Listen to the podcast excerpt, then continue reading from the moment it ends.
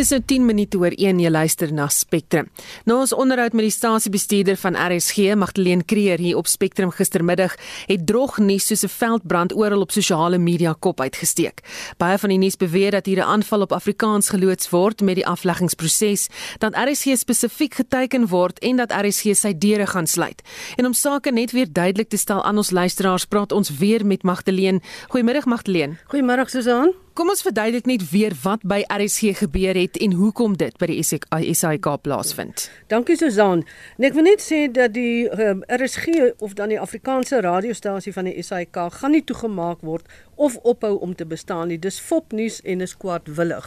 Dis my interessant dat uh die gesprek wat ek gister gehad het nie so seer reaksie uitgelok het nie, maar 'n fopnuus 'n tweet wat daarna deur 'n joernalis uitgestuur is, het die reaksie uitgelok en so dit nou gesneeubal en almal het sonder om uit te vind um uh, sommer aanvaar wat hier gebeur en later te word dit 'n uh, nie net meer RSG nie, dit word 'n aanval op Afrikaans wat uitgeskuif word en dit word 'n aanval op die SAIK wat Afrikaans wil toemaak en later word dit sommer ook 'n politieke kwessie van die regering wat nou ingegryp het en Afrikaans uitstuur.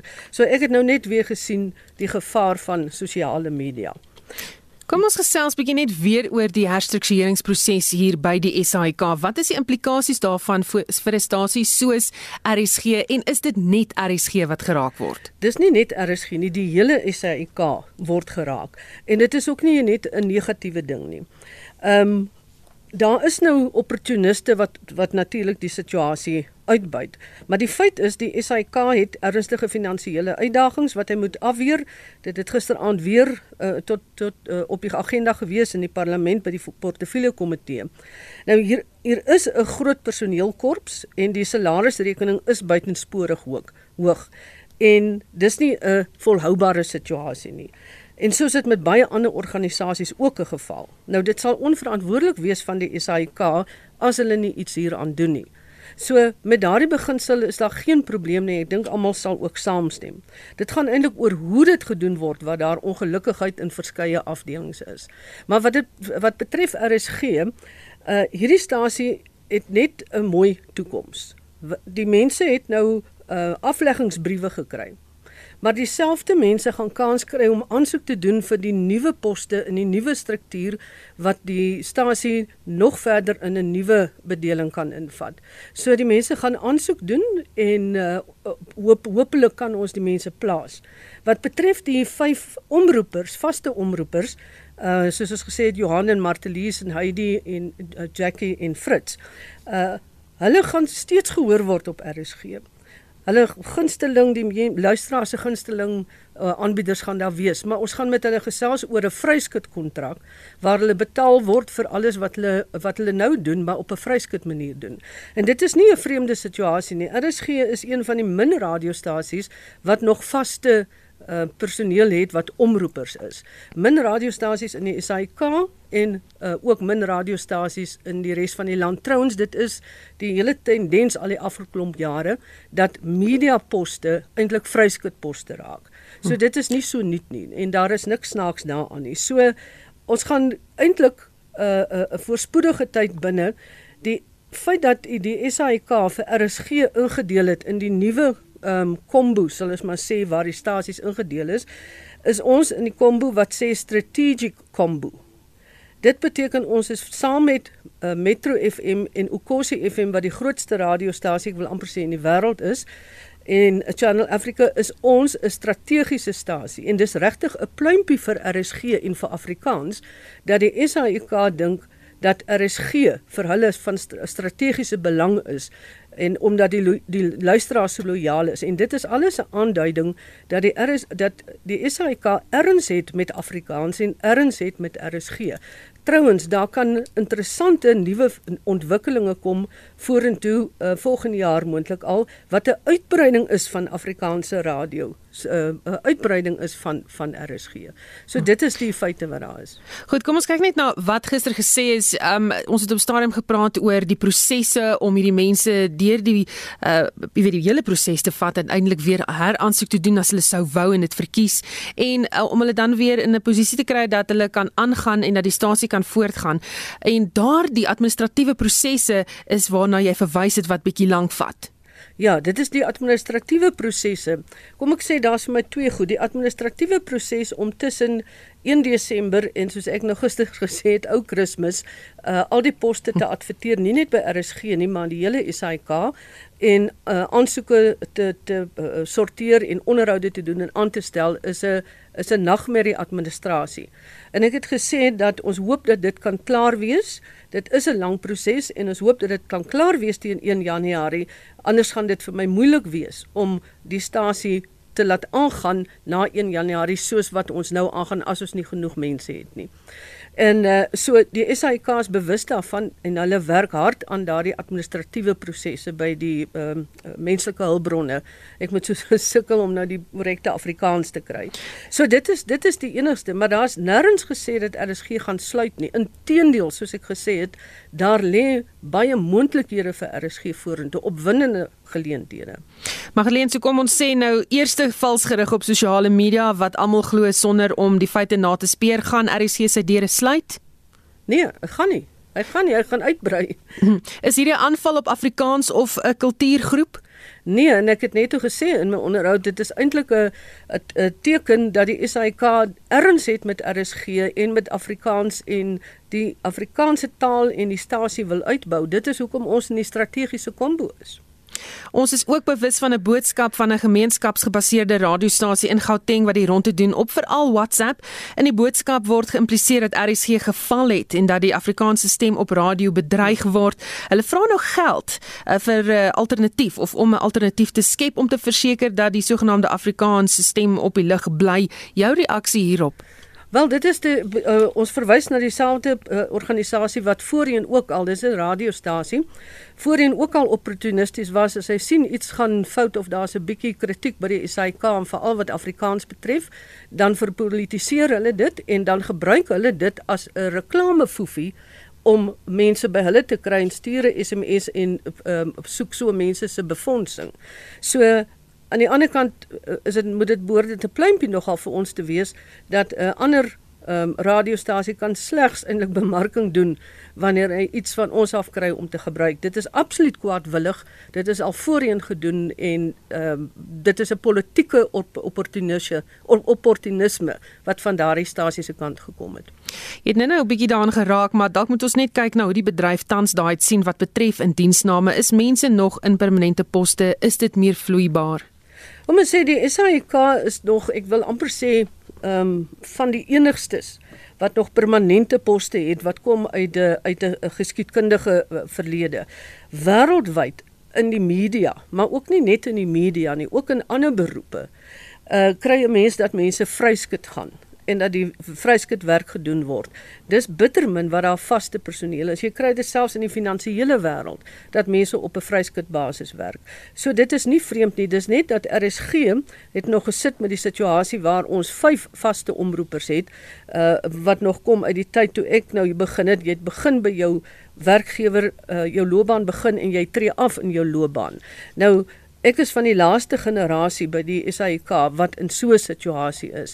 Hierna is dit vryskut. Mense doen verskeie werke en vryskut stel julle ook in staat om dan by verskeie plekke gelyktydig te werk, want as jy 'n vaste omroeper is, dan uh, mag jy nie by 'n uh, ander plek ook werk nie. So dit is 'n wêreldwye tendens en die SAIK probeer nou net uh, wat dit betref met aanbieders uh, in lyn kom met hoe dit in die res van die wêreld gedoen word en baie mense waar um, verwelkom dit ook want dit is vir hulle beter om vryskutwerk te kan doen. Goed, so net weer vir die wat pas aangesluit het en nie die hele onderhoud gehoor het nie, Magdalene. RSG gaan nie sy deure sluit nie en ons iemand soos Martelies en Fritz want hier is iemand wat sê nee, joh, ek kan nou nie my radio aansit as Fritz nie daar is nie. Ons gaan hulle stemme hoor.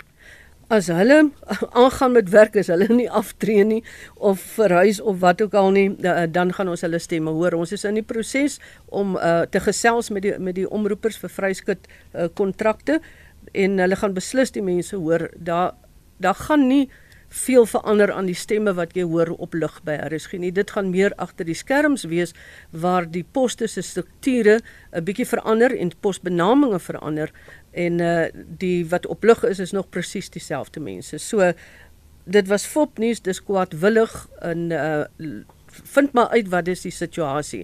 Ek kan nie verstaan dit het my nou ten slotte laat dink gister uh by na een van die luisteraars wat al gesê het of baie van die luisteraars luister nie altyd korrek nie. Dis soos die een tannie wat sê maar daar was verlede jaar 'n praatjie op julle radio gewees waar 'n man oor blombolle gepraat het. Ek soek sy nommer. En dan sê ek maar dis 'n bietjie onmoontlik, jy moet 'n bietjie meer inligting gee en dan kom jy op die ou end agter dit was op 'n ander radiostasie gewees. So mense moet maar reg luister en kry maar die inligting by die bron self. Baie baie dankie. Dit was die staatsbestuurder van RSG Magdalene Kreer. As jy weer wil gaan luister na gister se onderhoud of selfs vandag se onderhoud, hierdie uh, hele program en al die ander programme van RSG is beskikbaar op Potgooi. Gaan klik net op die webblad op Potgooi en uh, dan gaan jy weer kan luister. Ons bly by die storie. Die Suid-Afrikaanse Nasionale Redakteursforum oftewel SANEF beplan om vandag of môre met die SAIK bestuur te vergader om kwessies uh, oor die voorgestelde 189 afleggingsproses te bespreek. SANEF het sy kommer uitgespreek oor wat hy die onstabiliteit in die SAIK noem. SANEF se adjunkvoorsitter Adrian Basson verduidelik hoekom die redakteursforum met die SAIK vergader. Die Suid-Afrikaanse Nasionale Redakteursforum is baie bekommerd oor wat by die SAIK aan die gang is in terme van die aflegging van SAIK werknemers. Ons verneem dat joernaliste en nuuskantore ook geaffekteer is. Die SAIK speel 'n ontsettende belangrike rol in ons demokrasie om die meeste Suid-Afrikaanse landsburgers ingelig te hou oor wat in die land aan die gang is. En SANEF gaan hierdie saak opneem met die SAIK se bestuur. Ons is veral bekommerd oor die feit dat daar nie genoeg konsultasie was met die nuuskantore nie en ons ondersteun joernaliste in hierdie proses en dit eh, die SANEF se adjunkvoorsitter Adrian Basson wat ons gepraat het vroeër. Die ANC se sekretaris-generaal Ys Magashule het intussen onderneem om die alliansie se politieke raad te beywer om die dreigende afleggings by die SAIK te stop. Die raad bestaan uit die ANC president Cyril Ramaphosa, die algemene sekretaris van die SAIK Dr. Blyden Semande en ander topamptenare van die Arbeidsfederasie Kusatu. Die SAIK beoog om minstens 400 permanente personeellede af te lê voor die einde van die jaar in 'n eksklusiewe onderhoud met die SAIK SAIK gisteraand het Magashule onderneem om die president te skakel om in te gryp by die openbare uitsaier. Estie de Klerk doen verslag.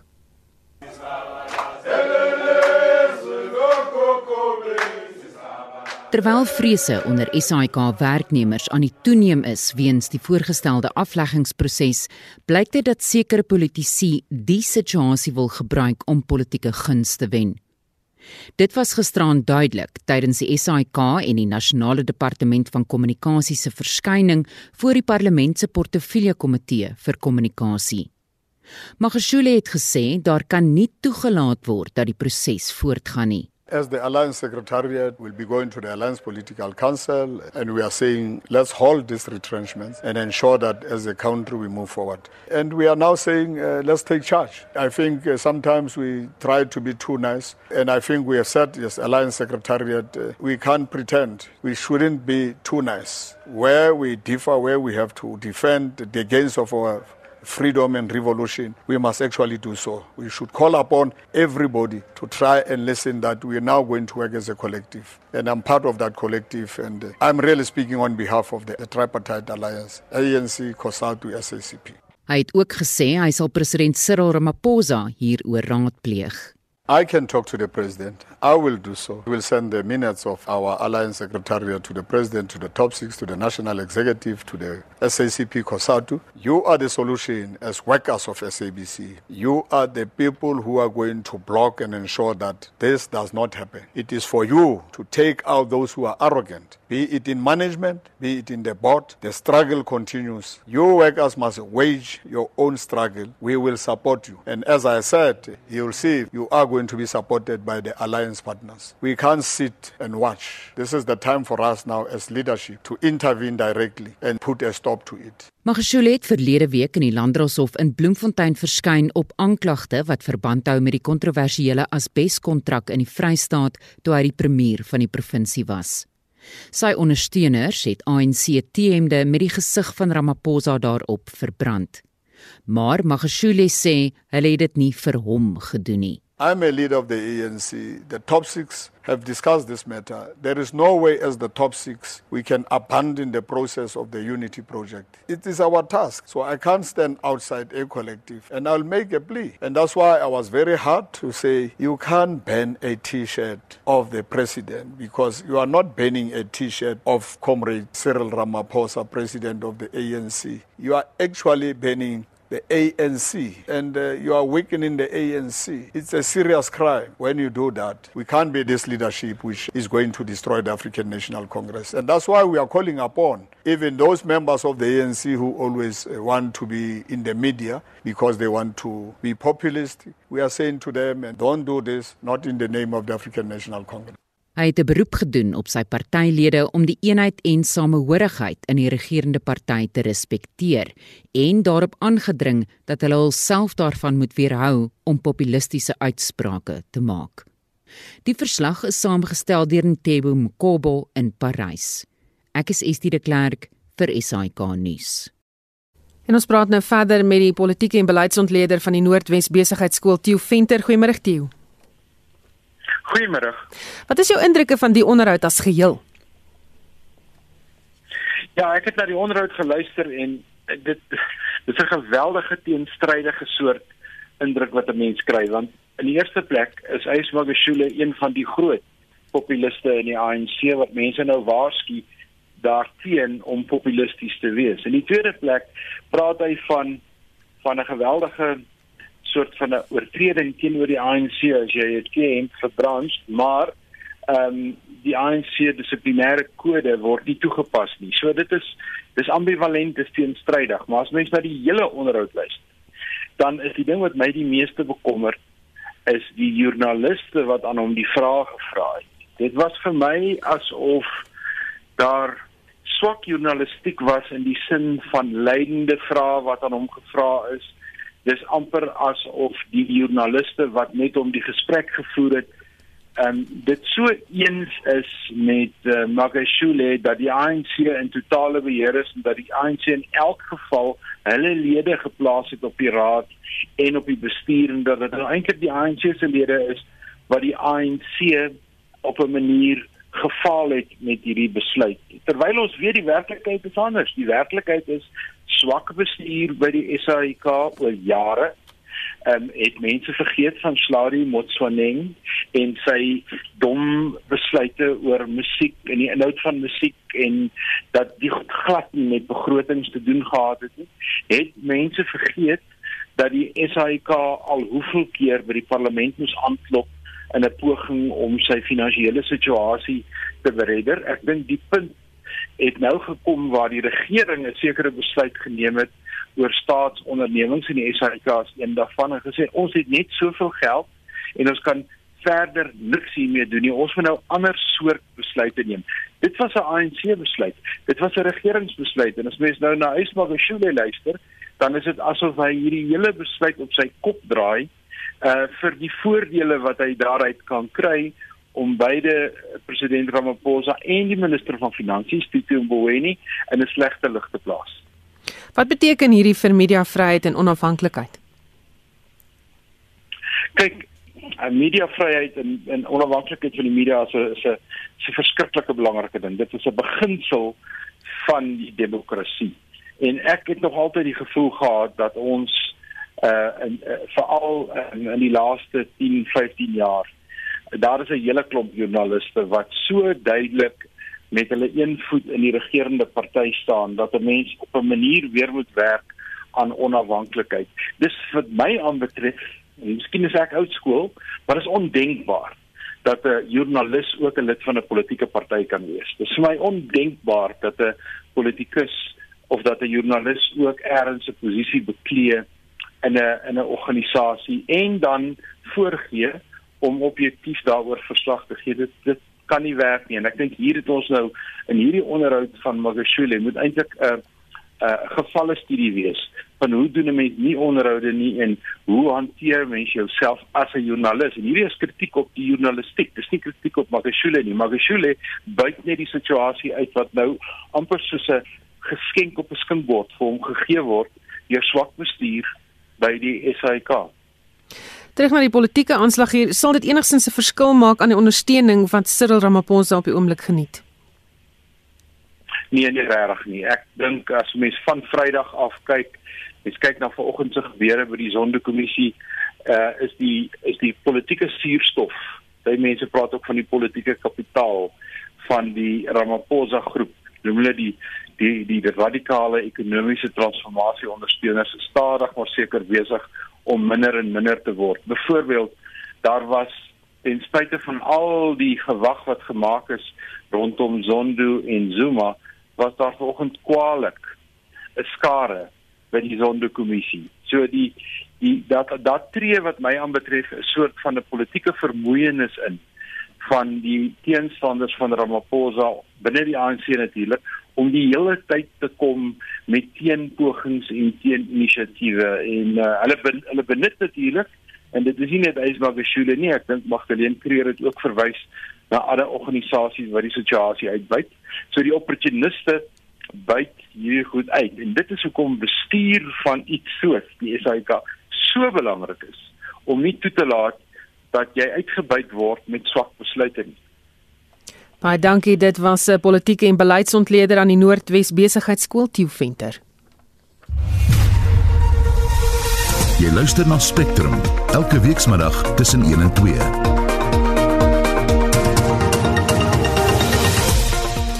As jy pas by ons ingeskakel het, RSG se stasiebestuurder weer lê gerugte dat RSG as stasie sy deure gaan sluit. Adjunkregter Zondo se besluit om hom nie uit die kommissie van staatskaping te onttrek van die ou president Zuma getuig nie, word geprys.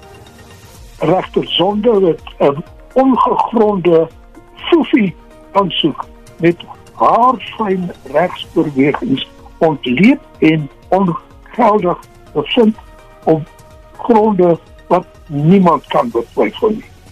Ons skakel oor na die Joburg Golf Ope en 'n veldwagter word vermis in die nasionale kreer Wildtuin bly ingeskakel. Daar is geen verkeer. Goed op die verkeersfront vanmiddag in Johannesburg Gauteng staan 'n voertuig op die N3 Noord net na van Burenweg een baan toe daar. Ook in Gauteng Johannesburg staan 'n voertuig op die R24 Wes net na die Edenvale weg afrit regterbaan toe en in KwaZulu-Natal staan 'n voertuig op die N2 Noord net na Inanda weg en dit is jou verkeersnuus. Adjunkregter of hoofregter Raymond Zondo het oud-president Jacob Zuma se aansoek om homself van die staatskapingkommissie te onttrek wanneer Zuma voor die kommissie getuig van die hand gewys. Zondo bevind Zuma se beweringe dat hy bevooroordeel sal wees wanneer hy getuig is ongegrond. Zuma het die kommissie na die uitspraak verlaat sonder toestemming van Zondo en ons praat nou met Estie de Klerk. Goeiemiddag Estie. Hallo Susan in 'n uitspraak wat net langer as 'n uur geduur het, het regter Zondo gesê Zuma se beweringe teen hom is ongegrond. Zuma het in 'n verklaring aan die kommissie gesê hy en Zondo het 'n vriendskapsverhouding en hy sal bevooroordeel wees wanneer hy na sy getuienis luister. Nadat Zondo eers die mandaat en verwysingsterme van die staatskapingskommissie uiteengesit het, het hy met betrekking tot sekere datums uitspraak gegee oor hoe lank die kommissie al probeer om Zuma te kry om weer voor die kommissie te kom getuig.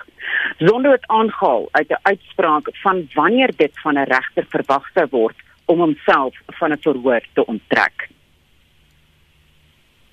The apprehension must be reasonable, and that the question is not whether a reasonable, objective, and informed person might, on the correct facts, apprehend, but it is whether such a person would, on the correct facts, reasonably apprehend. Reasonable apprehension is not that the judge may not bring an impartial mind to bear on the adjudication of the case, but it is whether The reasonable apprehension is that the judge has not or will not bring an impartial mind to bear on the adjudication of the case. That is a mind open to persuasion by the evidence and the submissions of counsel.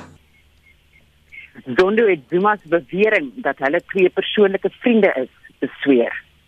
In my statement, I stated that although the applicant and I have known each other since the early 1990s and have a cordial relationship, we are not friends. The applicant maintains that our relationship was that of friends. The applicant points out that it is not accurate because I did meet with him for a briefing at his official residence after the Chief Justice had given him my name as the judge he had selected to chair this commission. The applicant is correct that such a meeting took place. The meeting I had with the applicant after the Chief Justice had given my name was an official meeting. I was not paying him a personal visit.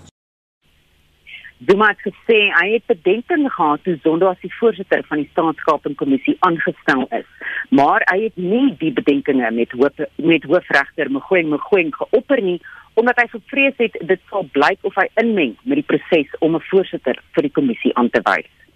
In my view, there is no sound reason why the applicant only raised the issue of a personal relationship between myself and himself close to 3 years after my appointment to chair this commission. The applicant cannot be allowed to raise this issue so late in the day. Zuma het ook beweer die kommissie het aan die begin slegs getuies geroep wat 'n appeltjie met hom te skil het en dat dit die indruk geskep het dat Zondo reeds bevooroordeel teenoor hom is. In this regard, he referred to some of the ministers who testified before this commission. There is no merit on this point. The commission was free to use whatever witnesses were available as long as in the end the applicant was himself afforded a fair opportunity to come before the commission and deal with whatever evidence such witnesses may have given. Zondo het ook gesê Zuma se bewering dat Zondo hom reeds skuldig bevind het aan staatskaping dra geen meriete nie. Zondo het gesê Zuma het gefaal om vooroordeel te bewys en hy wys dit die aansoek van die hand.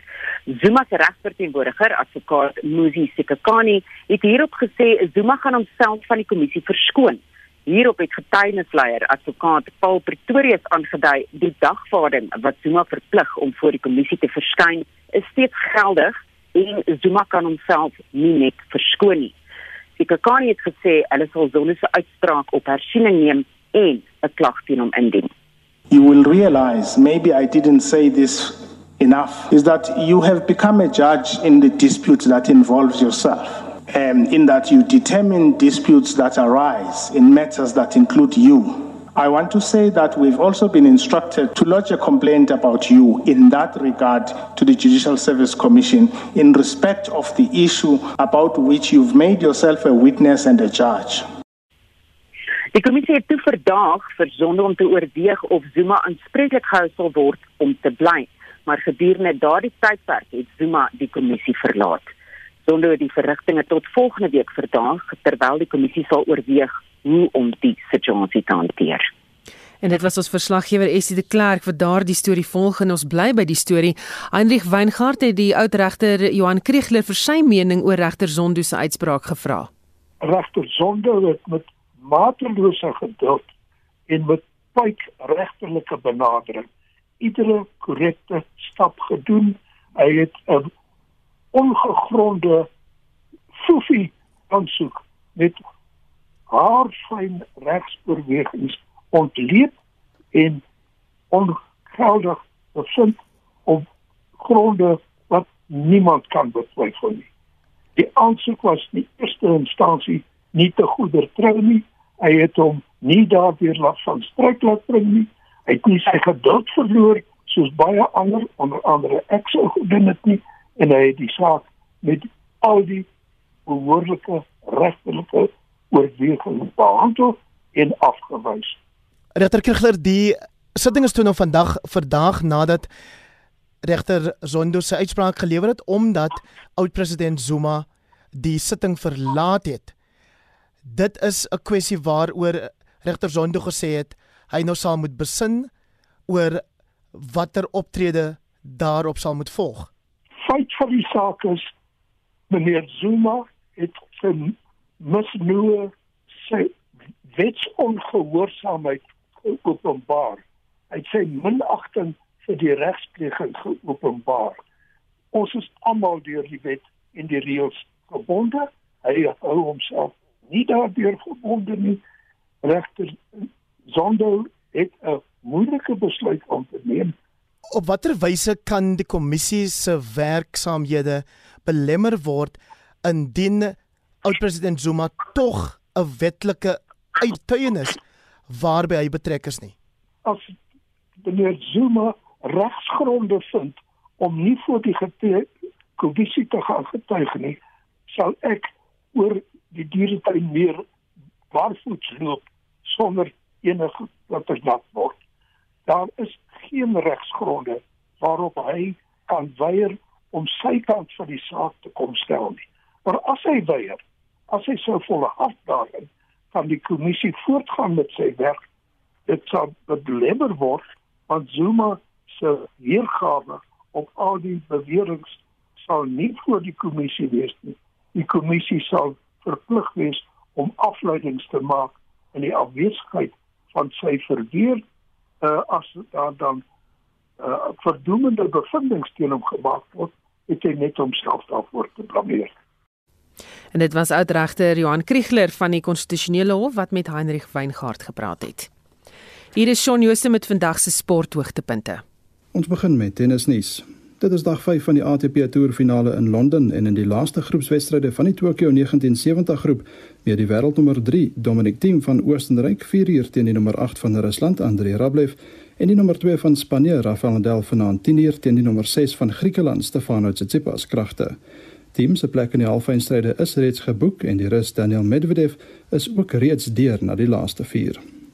Rugby Die Wallabies afrigter Dave Rennie het drie veranderinge aan sy beginspan almal onder die voorspelers vir Saterdagoggend se drie nasies kragmeting teen Argentinië aangebring terwyl die Argentynse begin 15tal onveranderd bly. Die wedstryd begin 10:45 in Sydney. Cricket. Cricket Suid-Afrika het gister aangekondig dat drie Protea spelers in afsondering geplaas is nadat byna 50 koronavirustoetse een positiewe uitslag opgelewer het. Die spelers is nie genoem nie en geen plaasvervangers is opgeroep nie. Die positiewe speler toon geen simptome nie. Die Proteas se T20 reeks van 3 wedstryde teen Engeland begin op 27 November. En laastens herinner ons graag dat die Joburg Ope by die Randpark Golfklub aan die gang is en Pieter van den Berg sal gereeld gedurende die toernooi verslag doen. Shaun Jooste van RSG Sport en soos hy nou net genoem het, die Joburg Golf Ope is onderweg in Randburg en ons korrespondent Pieter van der Berg is gereed met die jongste goeiemôre Pieter. Middag sê Susan, ja, interessante eerste dag wat vanoggend begin het reeds om 6:30 Suid-Afrikaanse tyd het uh, die eerste manne afgeslaan en uh, daar is twee Suid-Afrikaners saam voor op 800 syfer. Die jong Wilco Ninaber, hy's net 20 jaar oud en byna dubbel sy ouderdom op 38 jaar oud. Dit Shaun Norris wat ook op 800 is. Ek dink ons moet net so 'n bietjie vanaand loer na hulle twee se rond is. Dit was uh, Ninaber wat uh, beide van hulle op die uh, 10de afgeslaan het, so dit op die tweede nege begin.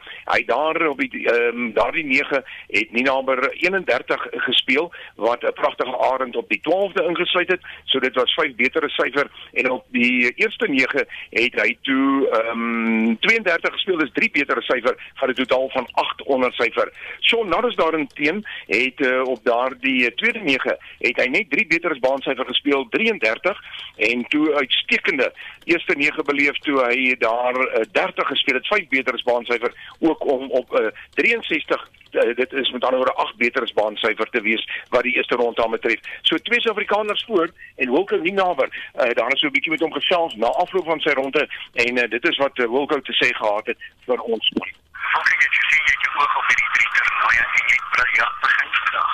Ja, ek het ehm um, ek het goeie ronde gespeel. Dit is baie ehm uh, baie straightforward as ek kan stel. Ehm um, daar was daar was drie drie drop shots ehm um, nie alles wat ek wou vir my maar um, ek het genoeg birdies gemaak en ek het gemaak genoeg birdies um, en dis nie net iets wat ons kan afval en dit is baie bekend En jou algehele spel vandag jy was bly met met al die elemente van die spel. Ja, ek was uh, ek was goed van die teams dus. Ek uh, was baie goed met my uh, my tweede oor. Ehm um, die afstande gehad. Uh, en my putting was was beter.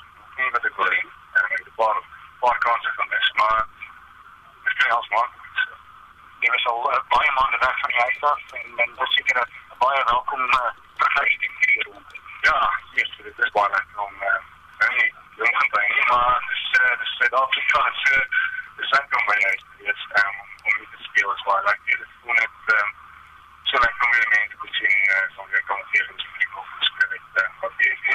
Ja, daar die dan van die jong Wilco Ninaber. Hy was die Suid-Afrikaanse amateurkampioen verlede jaar in 2019 en hy het vandag byvoorbeeld op die vierde puitjie, ehm um, hy sy bal van 402 meter ver geslaan, enorm lank. So hy het 'n uitstekking rond agter die blad. Kom ons kyk net verder na die voorlopersbord voor ons terugskakel na jou Susan. Ehm um, daar's natuurlik 28 spelers vanoggend begin het en uh, 78 aan vanmiddag se middagveld. Op 600 syfer is Risi nog twee agter die voorlopers en uh, hy is van Wallis en Hulle het Sil de Silva van Brasilia hy is ook daar op 600 syfer. Jan Blou goed uh, geleer daar op 500 syfer en dan van die spelers wat sopas al rond is begin het, is er reeds eh, 'n uh, man of twee wat baie goed vaar en ek kyk kyk gou hier op die telbord en ek sien daar daar is byvoorbeeld 'n 300 syfer vir Benjamin Follett Smith van Zimbabwe. Christian besuit nog na 5 bytjies reeds 300 syfer. Die nuus, die voorlopers op 800, Wilco Ninaber en Shaun Norris, daarmee terug na jou Susan. Baie dankie, dit was ons sportkorrespondent Pieter van der Berg.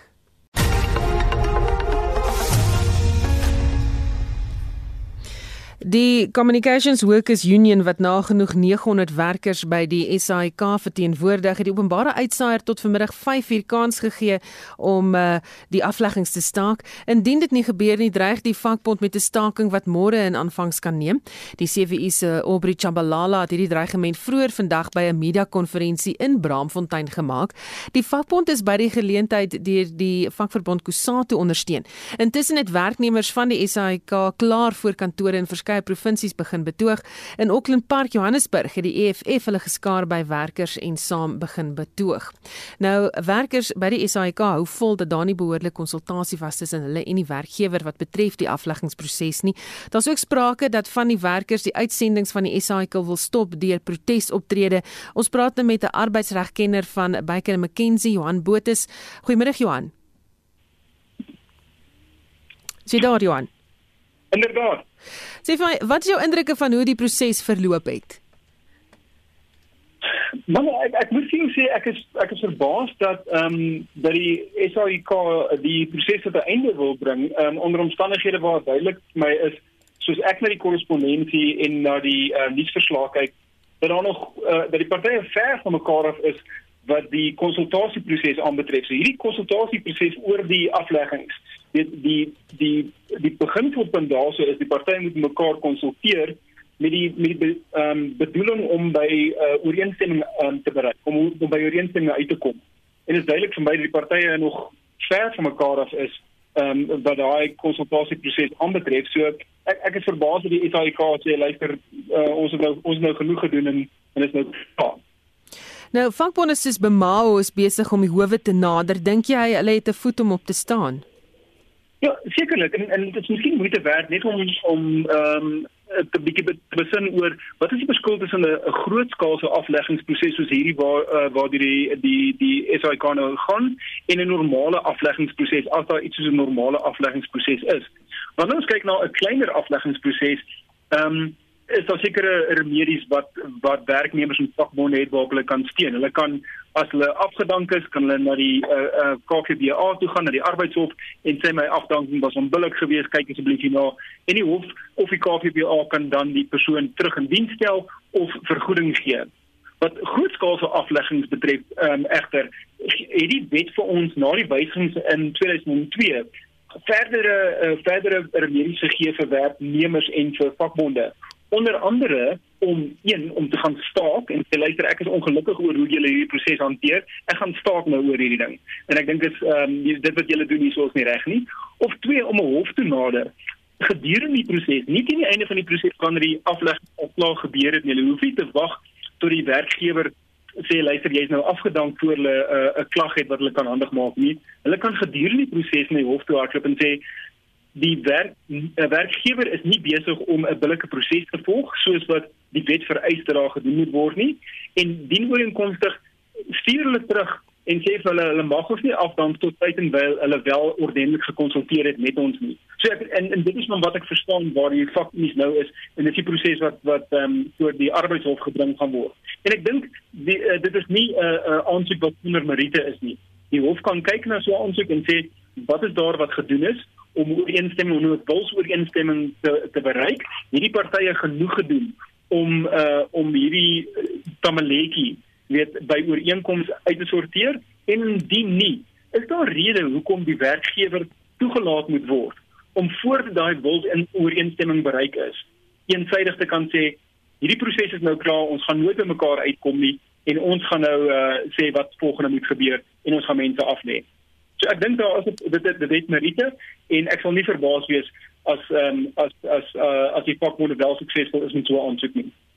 En aggenome dat die SAIK nasionale sleutelpunt is, sou werkers byvoorbeeld uitsendings kan stop, hierdie sogenaamde blackout waarvan nog gepraat word, of soos die CWU dreig om alles by die SAIK on ver te werp. Ja, ek ek ek, ek sou versigtig wees as as ek 'n werknemer daar is of 'n of 'n vakbond verteenwoordiger of 'n of 'n regadviseur wat hulle moet adviseer oor daai aspek voor ek vir hulle sê luister, jy moet jy reg in jou eie hande neem want dit is effektiewelik wat hulle ehm um, wat wat die ehm um, wat die voorstel ehm um, uh te wees het nê. Nee. Ehm um, daar is soveel remedies wat die wat die wet vir ons toelaat nê, nee, kort van om dinge in jou eie hande te neem. En ek ek dink dit sal dit sal dit sal nie wel geadviseer wees vir werknemers om eensidedige stappe te neem nie. Die werk die werk ehm um, nemers kan deur 'n geldige proses gaan om op 'n staking te gaan.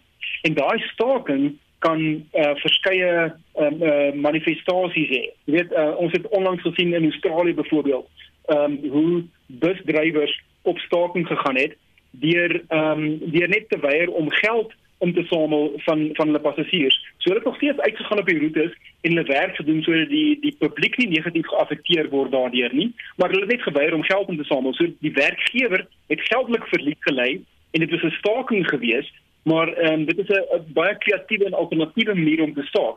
So ek ek maak voorsiening daarvoor dat daar ruimte is vir kreatiewe maniere om te staak, maar waar eh uh, daai ehm um, daai lyn getrek gaan word van wat is 'n kreatiewe staking versus um, aan die ander kant wat is onwettige optrede deur werknemers. As ek 'n werknemer is, sal ek nie die verkeerde kant van daai lyn gevat eh uh, uh, vasgeval word nie. Want want al wat jy dan doen is jy maak dit maklik vir die werkgewer om te sê weet kom ons vergeet maar van die van die uh, afleggingsproses wat jy nou besig mee is is wangedrag en ek gaan jou diens dan beëindig as gevolg van hierdie wangedrag.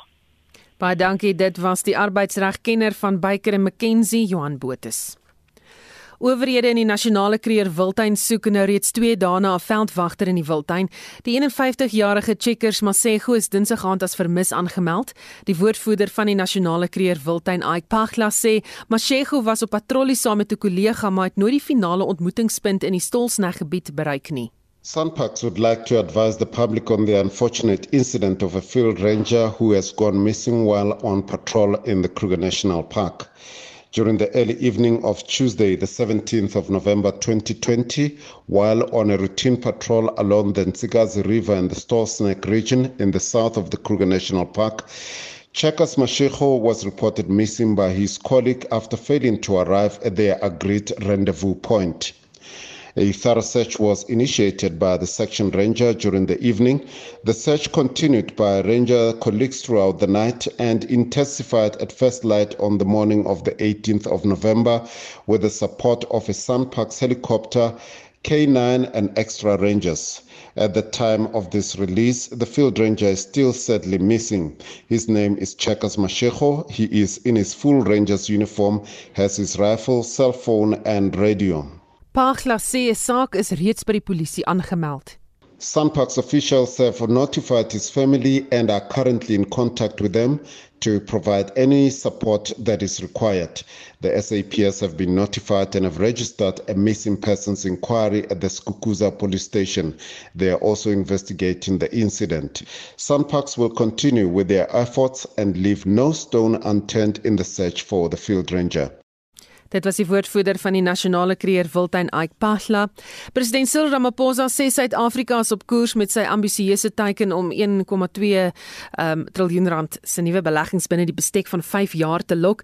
Ramaphosa het in sy slotopmerkings by die regering se beleggingskonferensie in Sandton gesê 50 maatskappye het reeds beleggingsbeloftes ter waarde van 109,6 miljard by die konferensie gemaak. Heinrich Weingart berig. Die president sê die konferensie was daarop gemik om die ondernemings vir beleggings wat die afgelope 3 jaar reeds gemaak is te konsolideer. Die totale waarde van die bestaande beleggingsbeloftes is 773,6 miljard rand. Ramaphosa sê ten spyte van die impak van die COVID-19 pandemie is 19 beleggingsprojekte oor die laaste 2 jaar voltooi. Dit is nou tyd dat die beleggingsbeloftes in nuwe fabrieke, produksielyne, mynbedrywighede kleinhandel besighede en infrastruktuur omgeskakel word. Through our economic recovery and reconstruction plan, we are pursuing a few high impact priorities and focusing on the issue of implementation. In our book now, what is clearly written is implementation, implementation, and implementation. The priorities that we are focused on now include a massive infrastructure build program, an employment stimulus plan to create and support jobs, and immediate steps rather to achieve energy security. Die beleggingsondernemings verteenwoordig 64% van die land se 5 jaar teiken. President Ramaphosa sê van die aankondigings by die konferensie is afkomstig van maatskappye wat reeds in vorige jare beleggings gemaak het en dit nou uitbrei en opgradeer.